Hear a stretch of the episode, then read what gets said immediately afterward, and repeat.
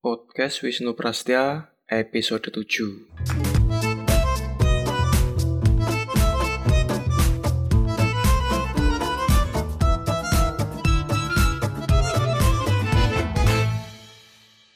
Halo, ketemu lagi. Di episode kali ini saya akan membahas tentang media dan rasisme. Nah, ini isunya agak serius karena beberapa hari yang lalu atau kemarin ya, Sabtu atau Minggu ini di Twitter sedang rame dengan isu rasisme dan jadi diskusi yang hangat di beberapa akun Twitter itu karena pangkal persoalannya muncul di Jakarta. Ini khususnya terkait dengan rame-rame seni bambu getah-getih yang dibongkar karena menghabiskan biaya ratusan juta dan ternyata tidak permanen dan dibongkar.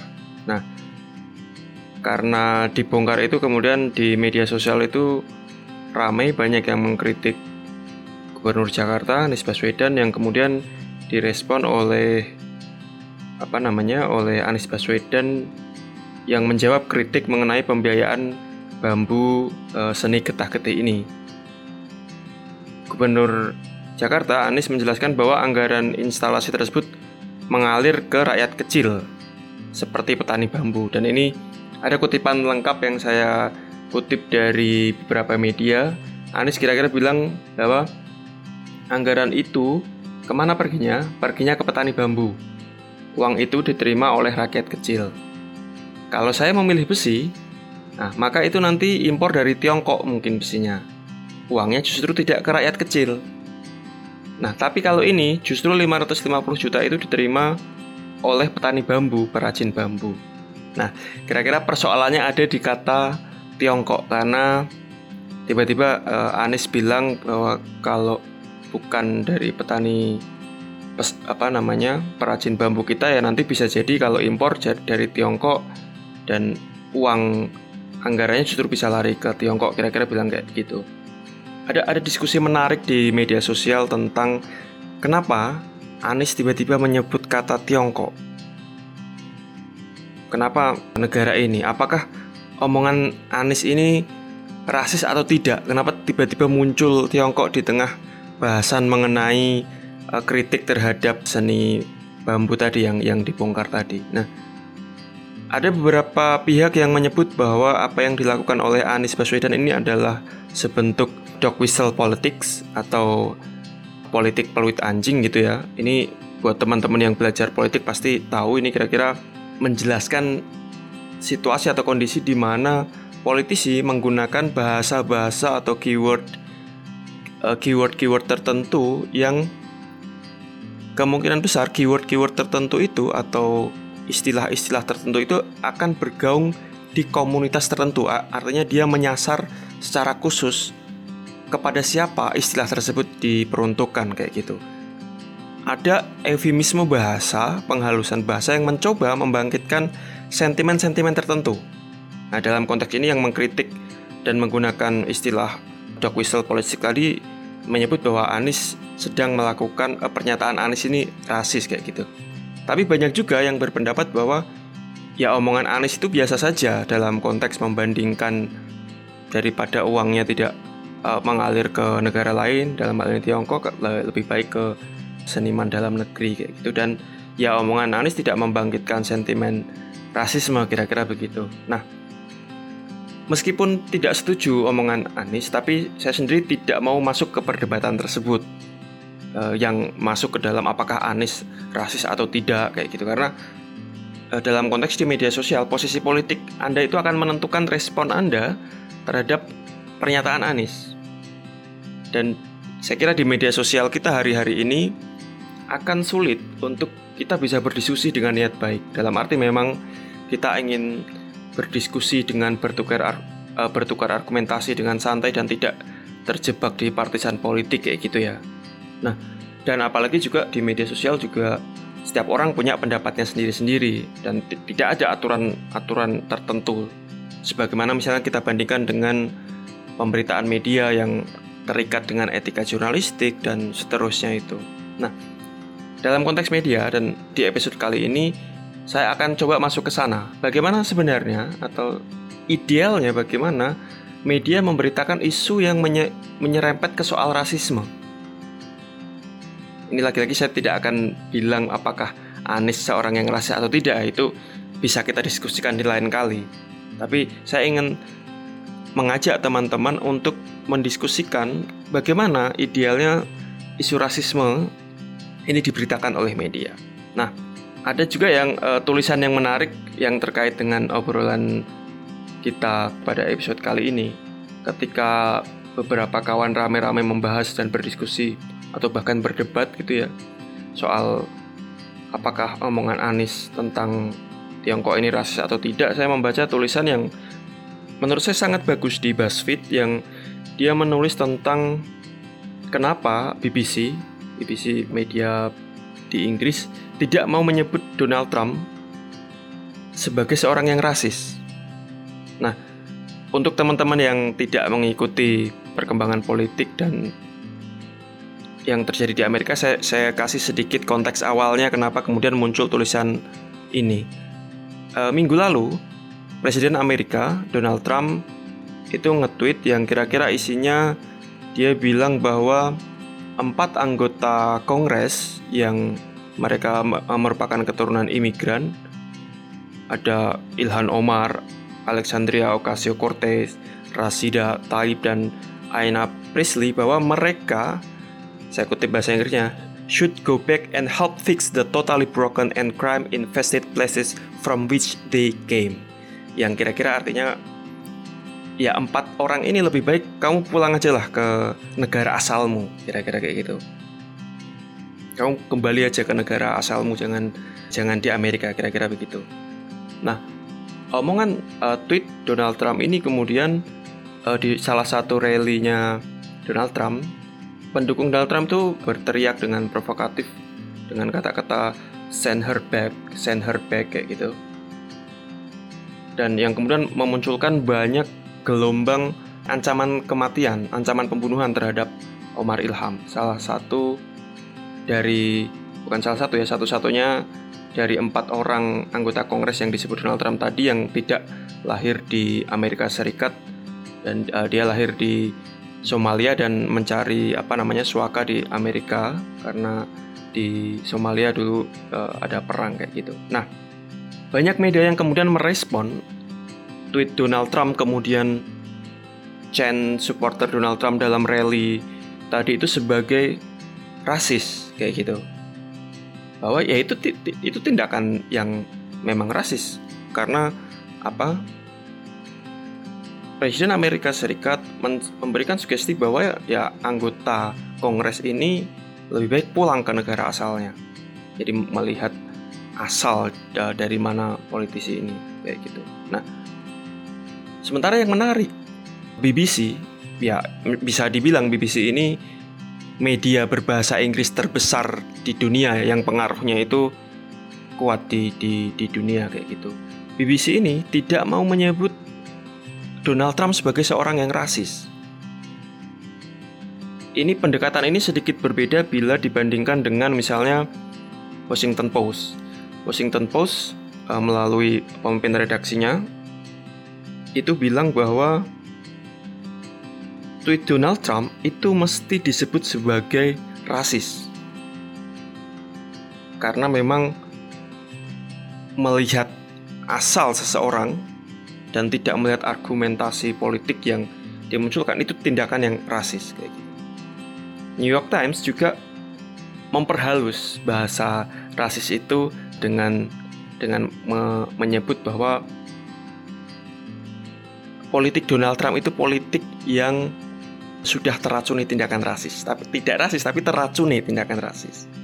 Sementara itu, seperti yang saya bilang tadi, BBC tidak mau menyebut tweet itu sebagai rasis. Nah, ini yang kemudian The Guardian, salah satu wartawan juga kemudian memberikan kritik bahwa BBC tidak seharusnya menyebut itu bukan sebagai tindakan rasis, bahkan itu bukan dog whistle, bukan peluit anjing tadi. Menurut salah satu wartawan uh, The Guardian yang yang saya baca gitu, dia bilang bahwa mestinya jurnalis mesti uh, menyebut sesuatu itu sebagaimana mestinya. Artinya ketika melihat memang secara substansi apa yang dilakukan oleh Donald Trump adalah tindakan atau omongan yang rasis ya mestinya BBC atau media mana pun harus menyebut itu sebagai tindakan rasis kayak gitu. Nah, tapi uh, dalam tulisan di BuzzFeed yang yang saya singgung di awal tadi, BBC mempunyai alasan kenapa mereka tidak mau menyebut tindakan Donald Trump sebagai rasis dan mereka membebaskan sebenarnya uh, kepada wartawannya, terutama yang reporter yang di lapangan untuk menyebut tweet Donald Trump itu sesuai apa yang mereka yakini. Dan ini muncul karena di BBC ada apa yang disebut sebagai impartiality rules yang yang yang kira-kira bilang bahwa ya BBC tidak berpihak dalam isu apa pun khususnya apalagi isu-isu yang sensitif kayak gitu ya. Karena BBC mencoba menempatkan diri sebagai platform yang kemudian mewadahi berbagai berbagai pendapat, berbagai sudut pandang dari spektrum politik yang ada, kira-kira begitu. Nah, salah satu yang menarik yang di tulisan BuzzFeed itu kan dia mewawancarai salah satu editor di BBC yang yang bilang bahwa ya para pembaca BBC atau para penonton BBC tidak perlu media untuk mengatakan bahwa sebuah tindakan yang mereka beritakan itu sebagai rasis atau tidak.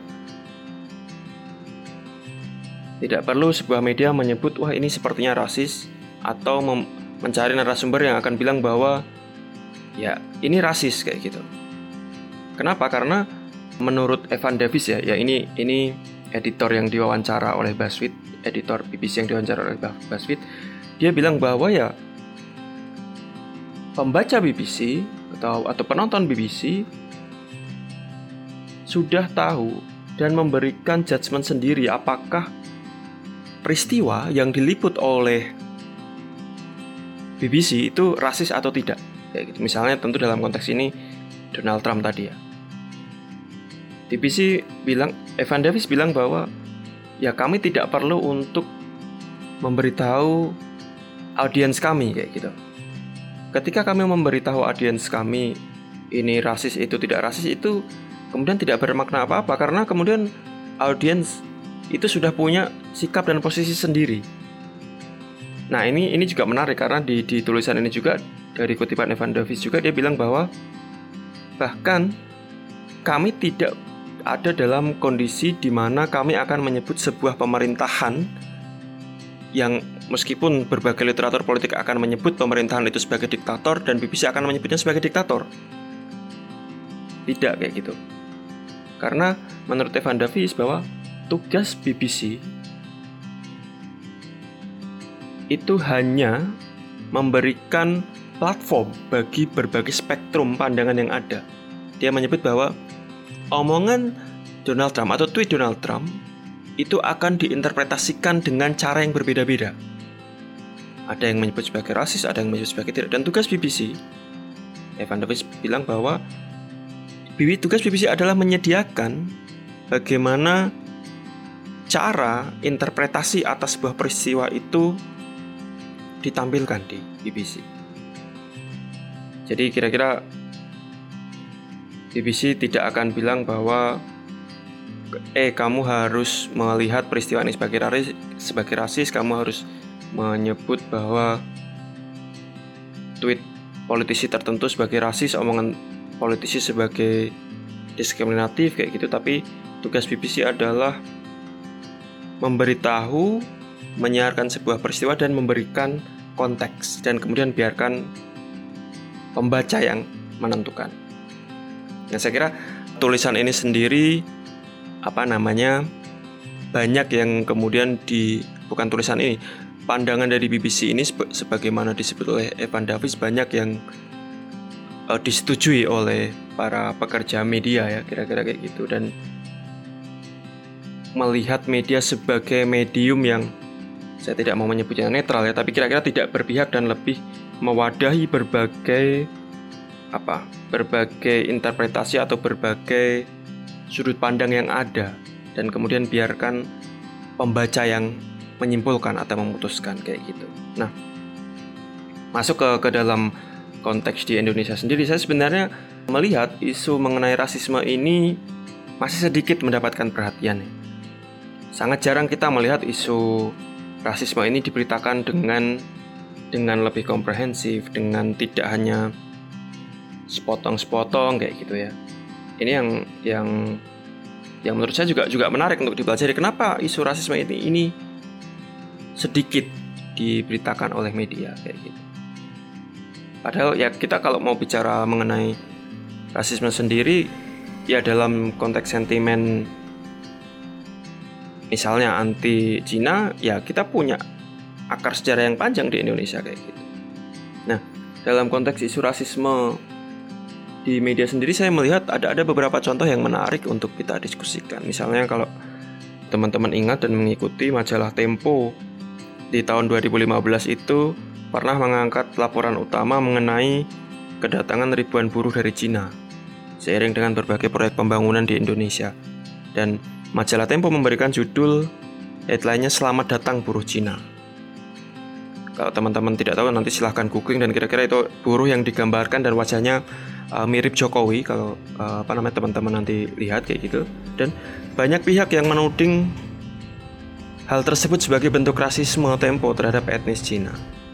Kalau saya tidak salah ingat, Tempo saat itu bikin diskusi yang membedah cover majalah tersebut. Atau ada juga kasus lain misalnya di tahun 2015 ada berita di di antara yang menyiarkan berita terkait Eh, kasus di Papua ya. Ada ada ada salah satu media online yang yang menulis kelompok bersenjata sebut tentara yang ditangkap sudah dimasak.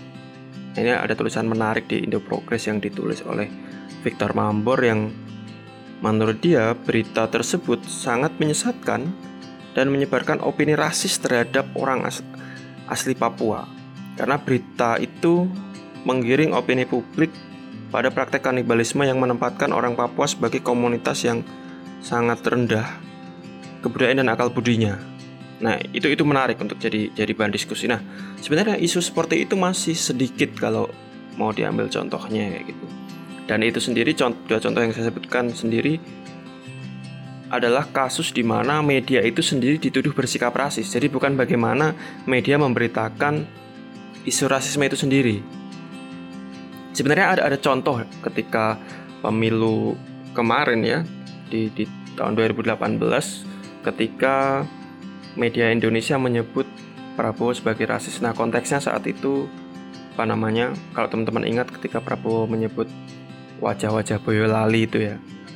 Tapi saya kira berita itu muncul lebih didasari pada motivasi politik ya karena terjadi di uh, musim kampanye dan ya kita tahu media Indonesia kemarin uh, yang yang dimiliki oleh Surya Paloh mendukung Jokowi kayak gitu dan saya kira gaungnya juga tidak terlalu besar gitu dalam dalam konteks pemberitaan media. Nah, jadi kalau mau mengambil contoh yang mungkin paralel ya dengan kasus BBC tadi, menurut saya yang yang pas itu ketika kita melihat kasus liputan terorisme di Indonesia memang ya sekarang beberapa tahun mungkin tahun lalu ya ada ada tindakan terorisme tapi saya coba merujuk ke beberapa tahun yang lalu ketika media dengan mudah menghakimi seseorang sebagai teroris meskipun belum terbukti kayak gitu. Nah saya teringat ada notes Facebook yang ditulis oleh wartawan senior Farid Gaban yang yang judulnya kalau tidak salah ingat itu tantangan tantangan tantangan dalam liputan terorisme. Nah, di catatan tersebut Farid menulis bahwa banyak media yang terburu-buru mengambil kesimpulan bahwa sebuah kelompok atau seseorang sudah pasti terlibat tindak terorisme. Nah, padahal menurut Farid ini banyak yang tidak bisa diverifikasi atau verifikasi hanya berlangsung di satu sumber, sumber resmi dari aparat kepolisian. Nah, ini tentu saja berbahaya karena apa namanya? Bisa dengan mudah media melakukan penghakiman kepada pihak yang sebenarnya belum tentu bersalah. Dalam konteks belum tentu bersalah atau sudah pasti bersalah ini yang menurut saya sebangun dan apa menarik untuk untuk kita diskusikan lebih jauh ya.